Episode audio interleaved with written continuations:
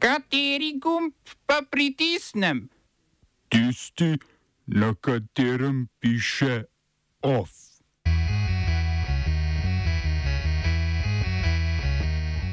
Španski premijer Pedro Sánchez po porazu na lokalnih in regionalnih volitvah razpustil parlament.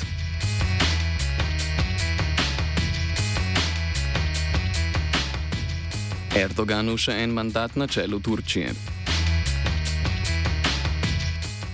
Vučić se poslavlja z vrha srpske napredne stranke. Peter Gregorčič zaradi odločitve ustavnega sodišča po pravico na Evropsko sodišče za človekove pravice.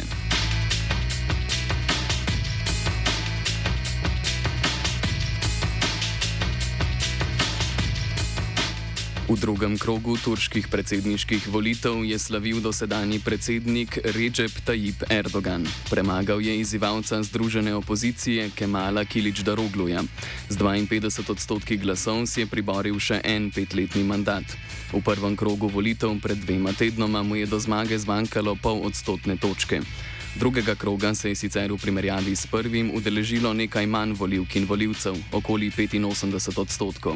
Erdogana je pred drugim krogom podprl tretje uvrščeni kandidat Sinan Oan iz stranke nacionalistične akcije, ki je prejel dobrih 5 odstotkov podpore. Desna koalicija, zbrana okrog Erdoganove stranke za pravičnost in razvoj, si je na volitvah pred dvema tednoma zagotovila tudi večino v parlamentu.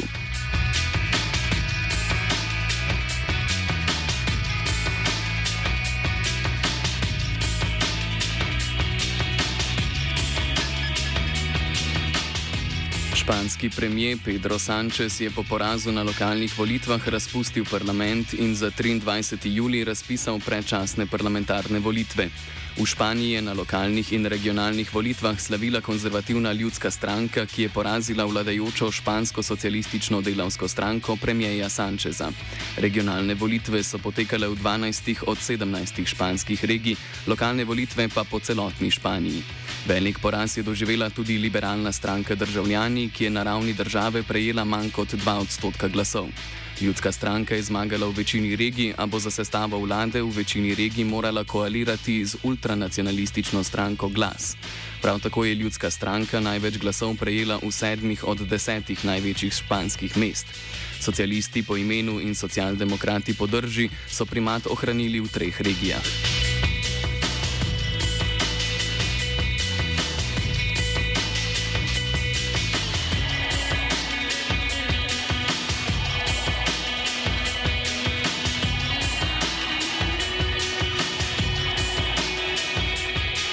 Somalijska vlada je z zvezdnimi državami sklenila dogovor o prehodu na splošne neposredne volitve in o uvedbi predsedniškega sistema.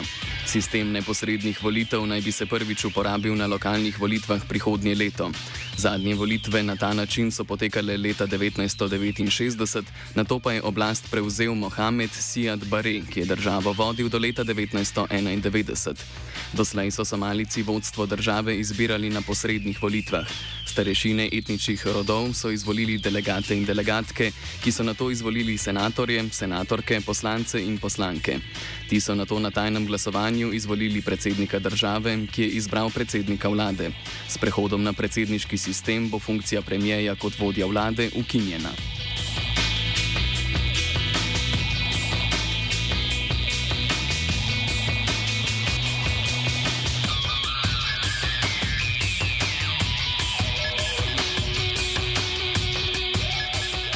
Z vzhoda na zahod Afrike. Nemški Bundestag je za eno leto podaljšal mandat vojaške misije v Maliju. Podaljšanje, ki naj bi bilo zadnje, vojakom omogoča umik do konca maja prihodnje leto. Taki odločitvi so nasprotovali v opoziciji. Krščanska demokratska unija je predlagala, da se enote Bundesvera umaknejo do konca tega leta. Semaforska koalicija pod vodstvom Olafa Šolca pa je predlog utemeljevala s predsedniškimi volitvami v Maliju februarja 2024.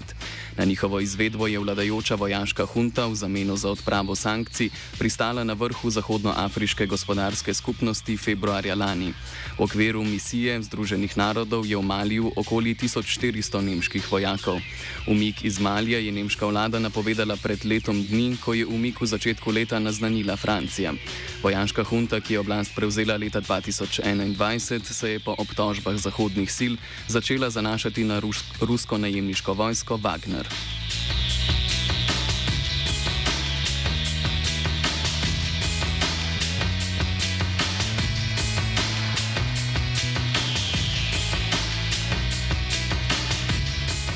Ameriški predsednik Joe Biden in predsednik spodnjega doma kongresa Kevin McCarthy sta dosegla dogovor o suspendiranju nacionalne meje zadolžitve. Po njunih trditvah dogovor zagotavlja zadostno število glasov demokratov in republikancev v kongresu. Omejitve zadolževanja zvezdne vlade tako ne bi veljale do, do leta 2025, kar bi problem predstavilo na obdobje po naslednjih predsedniških volitvah. Trenutno stoji meja pri 29,3 bilijona evrov. V primeru, da kongres dogovora ne bi potrdil, se zvezdna vlada ne bi mogla zadolževati. Dogovor vključuje zamrznitev višine državne porabe za neobrambne namene v prihodnjem letu in tri odstotno povišanje izdatkov za obrambne namene.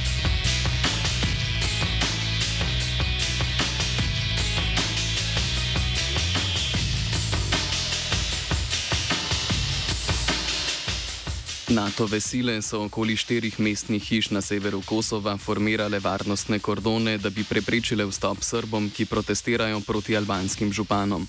Ti so bili izvoljeni na predčasnih lokalnih volitvah, ki jih je srpski del kosovskega prebivalstva bojkotiral. Volitve je kosovska vlada Albina Kurtija razpisala zaradi novembrskega izstopa srpskih predstavnikov iz državnih institucij v nasprotovanje vladnim načrtom preregistracije avtomobilov s srpskimi registrskimi tablicami.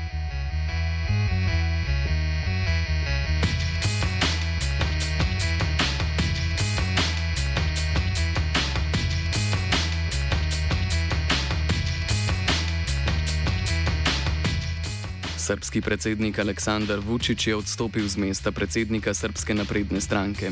Vučića, ki je stranko vodil od leta 2012, je na tem mestu nasledil obrambni minister Milos, Miloš Vučevič. Novi predsednik, ki ga je za položaj predlagal prav Vučić, je napovedal, da politike stranke ne namerava bistveno spreminjati. Uradno se je Vučić za odstop odločil, da bi stranki zagotovil večjo podporo.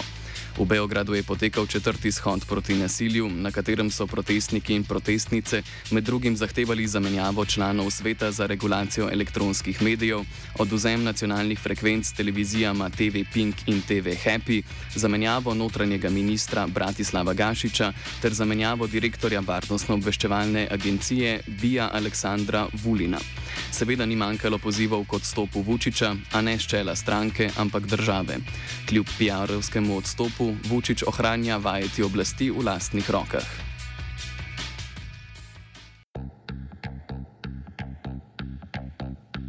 Smo se osamosvojili, nismo se pa osvobodili.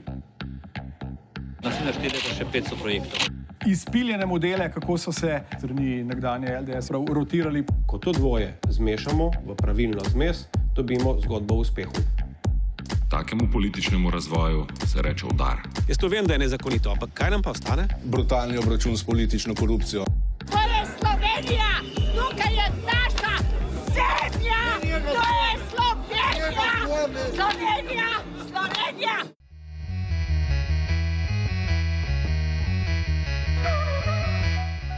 Društva za živali Animal Angels in Laika ob 19. uri pred Ljubljansko mestno hišo organizirajo protest proti pokolu Nutri. Na njem bodo izrazili nasprotovanje načrtovani odstranitvi Nutri na Ljubljanskem barju in zahtevali iskanje alternativnih rešitev. Jadranka Juras iz Lajke, Društva za zaščito in pomoč živalim v stiski, pojasni, da nasprotujejo tudi argumentaciji stroke. Uh, zraven govorijo, da ne bi to uh, v okviru uh, podnebnih sprememb, boja proti podnebnim spremembam, kar je za nas sploh bizarno, glede na to, da je, da je glavni krivec za najbolj invazivno poseganje, uničevanje ekosistema pravzaprav človek in tudi to, da so nutrije danes v Sloveniji, je to tudi razlog uh, temu človek, ki je najprej imel ekonomski interes, da je pripeljal nutrije sem in jih izkoriščal, pobijal za krzno, ko pa to ni bilo več aktualno, jih pa enostavno spustil v naravo. In zdaj so nutrije spet krive in spet bojo bile nutrije pobite, zato ker je človek to naredil. Se pravi, živali se same ne, pre, ne usedejo na ladjo, pa pridajo iz ene celine na drugo. Torej, nas zelo konkretno zanima, kakšen vpliv imajo nutrije na podnebne spremembe in kakšno korist bo po iztrebljanju nutri pravzaprav podnebje imelo. Juras v kontekstu napovedanega poboja nutri opozarja na problematičnost antropocentričnega pogleda na živali. Slišali smo tudi, ja, da je gledati, treba gledati na vrsto neko dno osebke. Mi vemo danes, da so živali živa čuteča bitja. In ne moramo več gledati tako na živali, kot smo naučeni v svojem antropocentričnem razmišljanju. Tako kot na ljudi ne gledamo kot na vrsto, ampak osebke, ki sestavljajo to vrsto.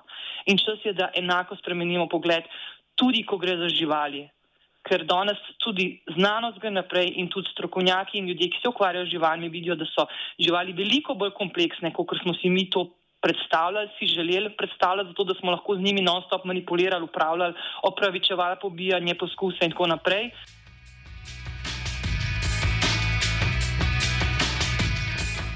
Od nutri k invazivnim škodljivcem. Zaenkrat še predsednik programskega sveta Radio Televizije Slovenija Petr Gregorčič in eden od soustanoviteljev Logarjevega novega društva ter pravnik Matej Aubel sta na Evropsko sodišče za človekove pravice poslala pritožbo zaradi petkove odločitve ustavnega sodišča.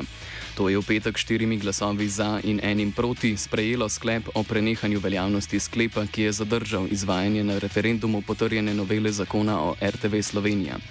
Ocenila sta, da je sodišče z odpravo začasnega zadržanja pobudnikom ustavne presoje oduzelo edino pravno sredstvo, ki jim je bilo na voljo v Sloveniji, kar po njuno odpira pot do Štrasbura. Mandatno-volilna komisija državnega zbora je po odločitvi ustavnega sodišča odpovedala seje, na katerih naj bi razrešili 9 od 19 članov in članic programskega sveta. Več o odločitvi ustavnega sodišča in odzivih na njo v offsetu ob petih.